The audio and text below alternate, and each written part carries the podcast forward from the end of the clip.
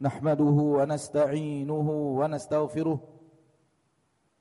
ونعوذ بالله من شرور أنفسنا ومن سيئات أعمالنا. من يهده الله فلا مضل له ومن يضلل فلا هادي له. أشهد أن لا إله إلا الله وحده لا شريك له وأشهد أن محمدا عبده ورسوله صلى الله عليه وعلى آله وأصحابه ومن تبعهم بإحسان إلى يوم الدين وسلم تسليما كثيرا. يا أيها الذين آمنوا اتقوا الله حق تقاته ولا تموتن إلا وأنتم مسلمون. يا أيها الناس اتقوا ربكم الذي خلقكم من نفس واحدة وخلق منها زوجها وبث منهما رجالا كثيرا ونساء واتقوا الله الذي تساءلون به والأرحام. إن الله كان عليكم رقيبا. يا أيها الذين آمنوا اتقوا الله وقولوا قولا سديدا. يصلح لكم أعمالكم ويغفر لكم ذنوبكم. ومن يطع الله ورسوله فقد فاز فوزا عظيما. أما بعد فإن أصدق الحديث كتاب الله وخير الهدي هدي محمد صلى الله عليه وسلم وشر الأمور محدثاتها فإن كل محدثة بدعة وكل بدعة ضلالة وكل ضلالة في النار. معاشر المسلمين حاضرين rahimani wa rahimakumullah. Mari kita bersyukur kepada Allah tabaraka wa taala Rabbul Izzati wal Jalalah yang telah menciptakan kita dan telah menciptakan semua yang kita butuhkan di dalam kehidupan kita tanpa kurang. Semua yang kita butuhkan di dalam hidup telah Allah lengkapkan tanpa ada yang kurang dengan bukti sudah puluhan tahun kita hidup. Berarti seluruh kebutuhan hidup sempurna. Dan semua kebutuhan hidup itu adalah rahmat dan nikmat yang sangat besar. Rahmat dan nikmat yang tiada tara. Rahmat dan nikmat tiada terhingga yang Allah berikan kepada kita. Yang wajib untuk kita syukuri.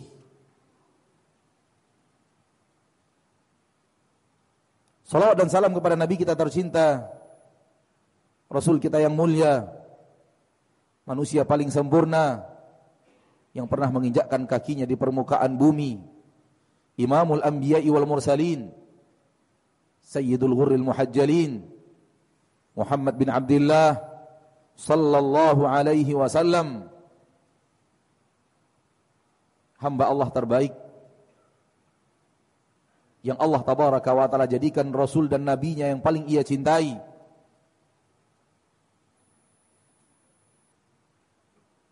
Dan kita diperintahkan untuk mengikuti derap langkah yang telah beliau ajarkan kepada kita dan beliau telah teladankan kepada kita.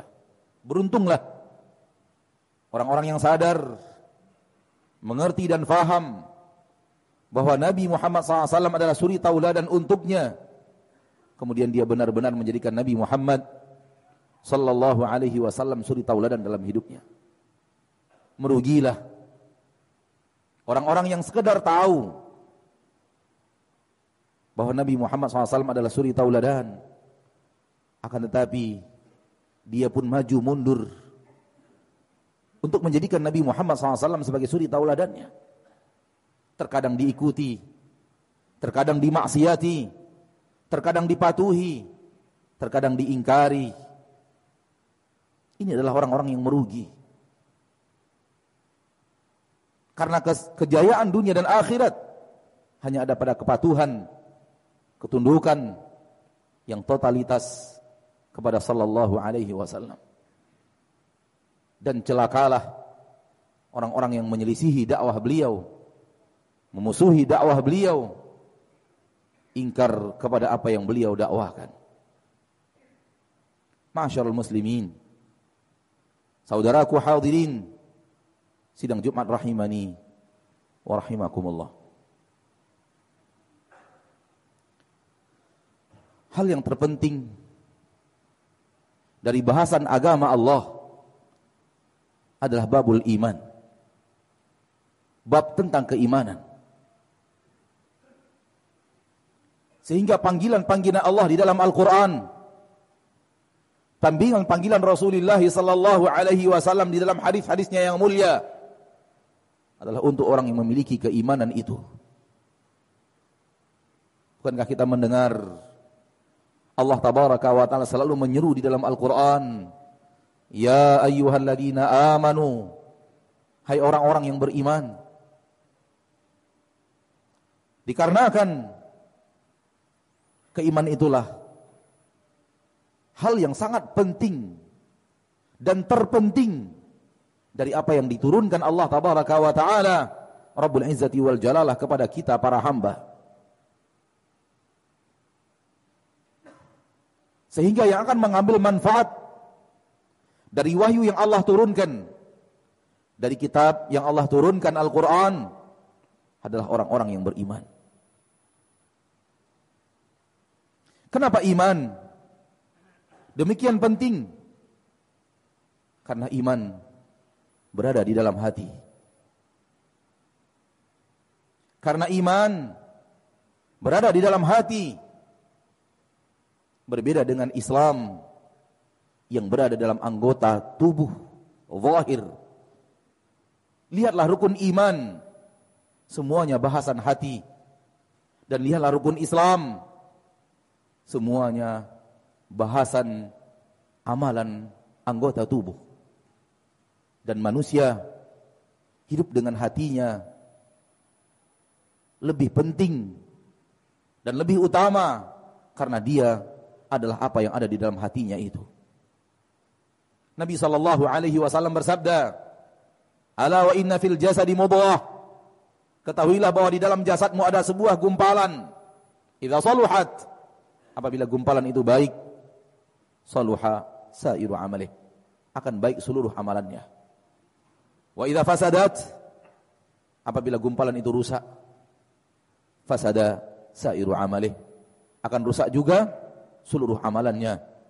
Ala wahiyal qalb. Ketahuilah bahwa dia adalah hati. Maka hati adalah rajanya seluruh anggota tubuh. Darinya datang perintah dan larangan. Ketika mata, ketika hati ingin melihat, dia akan perintahkan mata untuk melihat. Ketika hati tidak ingin melihat, dia perintahkan mata untuk gadul basar. Ketika hati ingin mendengar, dia akan perintahkan telinga untuk dengarkan. Ketika hati ingin berbicara, dia perintahkan lisan untuk mengucapkan apa yang ia ingin ucapkan. Karena lisan adalah juru bicara hati. Ketika ingin ke suatu tempat, dia perintahkan kaki untuk melangkah. Ketika ingin menerima sesuatu, dia perintahkan tangan untuk menerima. Wahalum majarra dan begitu seterusnya. Maka perintah dan larangan datang kepada anggota badan dari dalam hati. Karenanya dialah raja. Fa in tabal malik kalau rajanya baik, pasti akan perintahkan anggota tubuhnya untuk berbuat baik.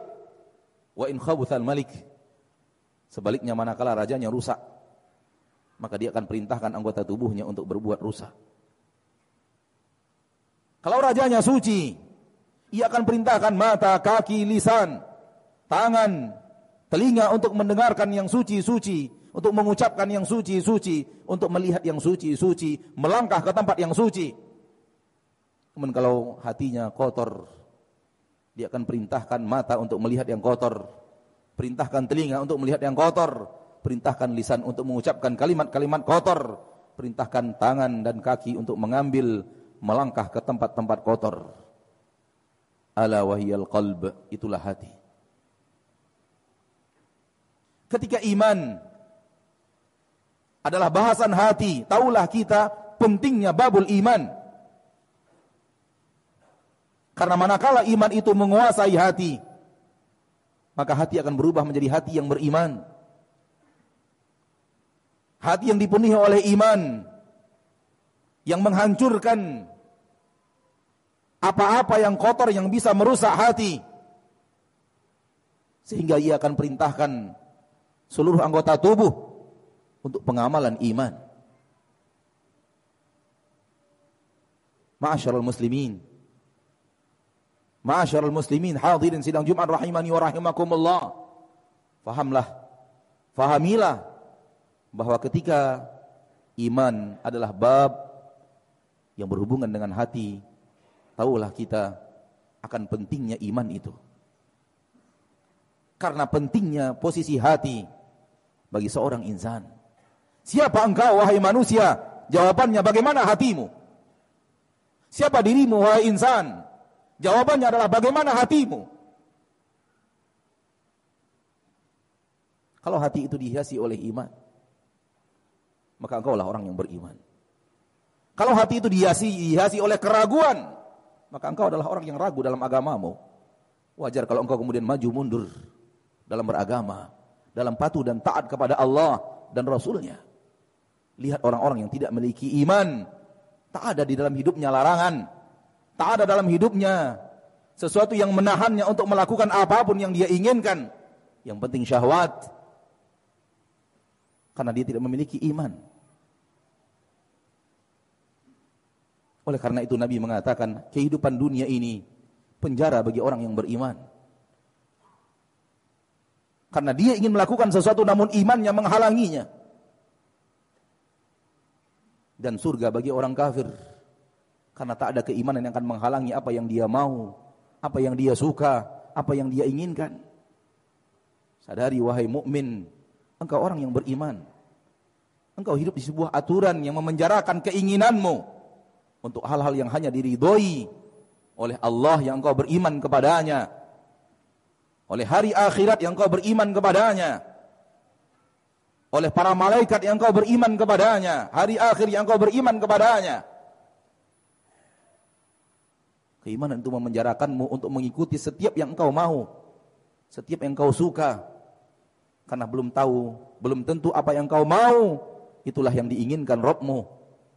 Dan apa yang kau suka, itu juga yang disuka oleh Allah penciptamu.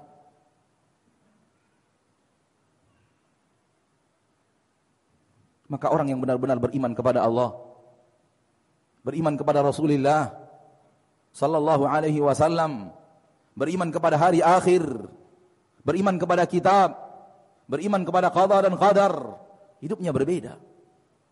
Hidupnya tidak sama dengan hidupnya manusia-manusia biasa. Karena dia memiliki iman. Hatinya dipenuhi oleh iman. Di mana manusia bersemangat mengejar dunia, dia akan bersemangat mengejar akhirat. Ketika manusia bersemangat menceritakan tahta, dia hanya bersemangat menceritakan pahala. ketika manusia sibuk dengan berita-berita tentang keadaan dunia, dia sibuk dengan cerita dan berita dari Allah Taala, dari Rasulullah Sallallahu Alaihi Wasallam tercinta. Hidupnya tidak seperti hidup kebanyakan manusia. Kenapa? Karena hatinya dipenuhi oleh iman. Dia sadar dunia ini begitu kecil dan kerdil untuk dikejar dan dihabiskan umur untuknya. Dunia ini begitu singkat agar dikerjakan semuanya untuk dunia. Karena Allah mengingatkannya di dalam Al-Quran, kitab yang dia imani. Rasulullah SAW mengingatkannya, Rasul yang ia imani. Wa hayatud dunya fil akhirati illa qalil. Tidaklah kehidupan dunia dengan segala perhiasannya di akhirat kecuali hanya kenikmatan yang secuil, kenikmatan yang sedikit. Nabi sallallahu alaihi wasallam mengatakan, "Mad dunya fil akhirah illa kama yaj'alu ahadukum usbu'ahu fil yammi falyanzur bima tarja' perbandingan dunia dan akhirat dunia dan surga adalah bagaikan seorang yang pergi ke pinggir laut dia celupkan satu jarinya ke dalam air laut silahkan dia perhatikan berapa air yang bisa diambilnya dengan satu jarinya dari air laut itulah dunia sisa air laut adalah nikmat yang ada di surga bagaimana mungkin dia akan rakus terhadap dunia kalau di hatinya penuh dengan iman. Bagaimana mungkin dia tidak akan rakus kepada akhirat kalau di hatinya dipenuhi dengan iman? Bagaimana mungkin dia mengejar, mengejar dan menghabiskan usianya untuk dunia kalau hatinya benar-benar tahu apa itu dunia seperti yang Allah katakan kepadanya, seperti yang Rasulullah SAW sabdakan kepadanya. Maka dia tidak akan terlihat seperti banyak orang. Manusia sibuk. Dia pun sibuk. Tapi sibuknya dia tidak tidak seperti sibuknya mereka. Manusia berbicara, dia pun berbicara, tapi pembicaraannya tidak sama dengan pembicaraan mayoritas manusia. Itulah orang yang beriman. Andai kita ingin menjadi orang yang beriman, jadikan iman di dalam dada mempengaruhi mata, mempengaruhi telinga, mempengaruhi lisan, mempengaruhi kaki dan tangan. Bukan iman yang ada hanya di dalam teori, yang tidak singgah dan masuk ke dalam dada dan menghujam di dalam sehingga menguasai hati untuk memberikan perintah kepada seluruh anggota tubuh. Dan yang terpenting dari seluruh iman itu adalah iman kepada Allah. Karena tidak ada yang lebih mulia daripada Allah. Dan tidak ada yang lebih hebat dan kuasa daripada Allah. Dan tidaklah Allah turunkan Al-Qur'an. Dan tidaklah Allah utus Rasulnya tercinta. Kecuali untuk memperkenalkan dirinya kepada kita. Agar kita kenal siapa Allah. Rob yang kita ruku dan sujud kepadanya. Agar kita kenal kepada Allah. Rob yang maha pengasih lagi maha penyayang namun memiliki adab tiada tara.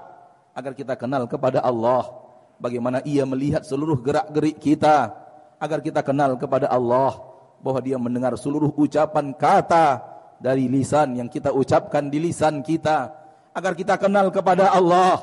Yang kalau kita bersalah kepadanya ia akan bukakan pintu maaf seluas-luasnya.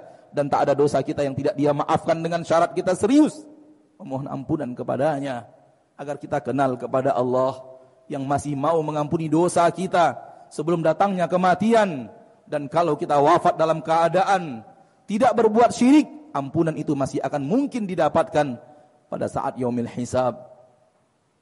Allah asyraful mawjud. Allah zat yang paling mulia yang ada.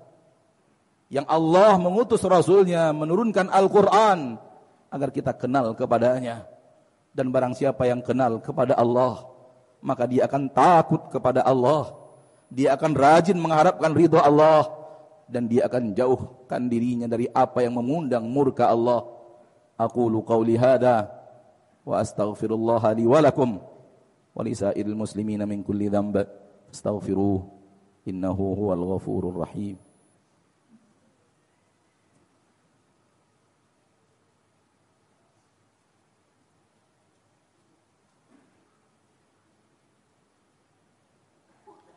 الحمد لله على إحسانه وشكر له على توفيقه وامتنانه. أشهد أن لا إله إلا الله وحده لا شريك له وأشهد أن محمدا عبده ورسوله الداعي إلى رضوانه. اللهم صل وسلم وبارك وأنعم على عبدك ورسولك محمد وعلى آله وأصحابه wa tabi'ahum bi ihsanin ila yaumiddin amma. Wajar kalau kemudian di dalam Al-Qur'an Allah perintahkan kita untuk selalu ingat Allah. Wajar kalau kemudian di dalam Al-Qur'an Allah melarang kita untuk lupa kepadanya. Dan sungguh orang-orang yang hatinya dipenuhi oleh iman sulit baginya untuk melupakan Allah dan orang-orang yang menipis iman di dalam dadanya hal yang paling sulit baginya adalah mengingat Allah. Dan lihat ke mana satu dirimu lebih condong wahai muslim. Apakah engkau lebih condong kepada orang yang selalu mudah baginya mengingat Allah? Ataukah anda lebih condong kepada orang yang sulit baginya mengingat Allah? Karena di akhirat, orang-orang yang mengingat Allah adalah orang-orang yang akan beruntung. Dan orang-orang yang melupakan Allah pun akan dilupakan oleh Allah. Nasullaha fanasiyahum. Di dunia mereka lupakan Allah. Di akhirat mereka pun dilupakan oleh Allah. Ihfadillah yahfad. Apabila engkau selalu menjaga Allah, menjaga agamanya, ingat kepadanya, mengikuti syariatnya, ia pun akan menjagamu di dunia dan di akhirat. Al jaza'u menyinsil amal. Balasan yang Anda terima akan sesuai dengan bagaimana Anda berhadapan dan bermuamalah kepada Allah. Bagaimana seorang muslim Bagaimana seorang yang beriman, yang benar-benar beriman kepada Allah akan melupakan Allah? Tidak mungkin. Karena ke mana pun matanya memandang, memandang kepada Allah dan ciptaannya. Memandang kepada Allah dan keadilannya. Memandang kepada Allah dan kasih sayangnya. Allah yang kita maksud bukanlah zat. Akan tetapi bagaimana kemuliaan Allah, rahmat Allah, kasih sayang Allah, ilmu Allah, pendengaran Allah yang selalu bersama setiap hamba. Ke mana matamu memandang? Itu adalah makhluk ciptaan Allah. Ke mana matamu kamu arahkan? Di situ ada tanda-tanda kekuasaan Allah. Bagaimana engkau akan lupa kepadanya? Ya mungkin. Ya mungkin. Orang yang hatinya penuh iman. Tak akan lupa kepada Rabbnya. Ketika anda sholat. Adakah gerakan sholat yang Allah tidak disebut di sana? Dimulai dari takbir, berakhir dengan salam. Setiap gerakanmu, nama Robmu Allah disebut. Bagaimana dia akan lupa kepada Allah? Bagaimana dia akan melupakan Allah? Dalam takbir Allah dia sebut. Di dalam ruku dan sujud menyebut Allah di dalam duduk di antara dua sujud menyebut Allah, di dalam salam menyebut Allah tabaraka wa taala. Belum lagi ayat-ayat yang ia baca. maka aneh. Kalau kita benar-benar menyatakan beriman, lalu kemudian kita lupakan Allah. Dan Allah tidak akan melihat apa yang kau katakan di lisanmu. Namun Allah akan melihat apa yang kau amalkan dalam anggota tubuhmu. Inna Allah wa malaikatahu yusalluna ala nabi. Ya ayyuhalladzina amanu sallu alaihi wa sallimu taslima. Qala sallallahu alaihi wa sallam. Man salla alaiya salatan sallallahu alaihi biha asyara. اللهم صل وسلم وبارك وأنعم على عبدك ورسولك محمد وعلى آله وأصحابه ومن تبعهم بإحسان إلى يوم الدين. اللهم اغفر للمسلمين والمسلمات والمؤمنين والمؤمنات الأحياء منهم والأموات. إنك سميع قريب مجيب الدعوات. اللهم اجعلنا لك ذاكرين لك شاكرين لك أوابين منيبين. اللهم لا تدع لنا ذنبا إلا غفرته ولا هما إلا فرجته ولا دينا إلا قضيته ولا حاجة من حوائج الدنيا هي لك رضا إلا قضيتها يا رب العالمين. ربنا لا تزغ قلوبنا بعد إذ هديتنا وهب لنا من لدنك رحمة إنك أنت الوهاب. اللهم إنا نسألك الهدى والتقى والعفاف والغنى. اللهم إنا نسألك الجنة وما قرب إليها من قول وعمل. ونعوذ بك من النار وما قرب إليها من عم من قول وعمل. ربنا اصرف عنا عذاب جهنم. إن عذابها كان غرما. ربنا اغفر لنا ولوالدينا وارحمهما كما ربيانا صغارا. اللهم أصلح لنا ولاة أمورنا. اللهم أصلح لنا ولاة أمورنا. اللهم أصلح لنا ولاة أمورنا. اللهم لا تسلط علينا بذنوبنا. من لا يخافك ولا يخشاك ولا يرحمنا. ربنا آتنا في الدنيا حسنة وفي الآخرة حسنة وقنا عذاب النار. عباد الله إن الله يأمركم بالعدل والإحسان وإيتاء ذي القربى وينهى عن الفحشاء والمنكر والبغي يعظكم لعلكم تذكرون. فاذكروا الله العظيم الجليل يذكركم واشكروه على نعمه يزدكم. ولذكر الله أكبر والله يعلم ما تصنعون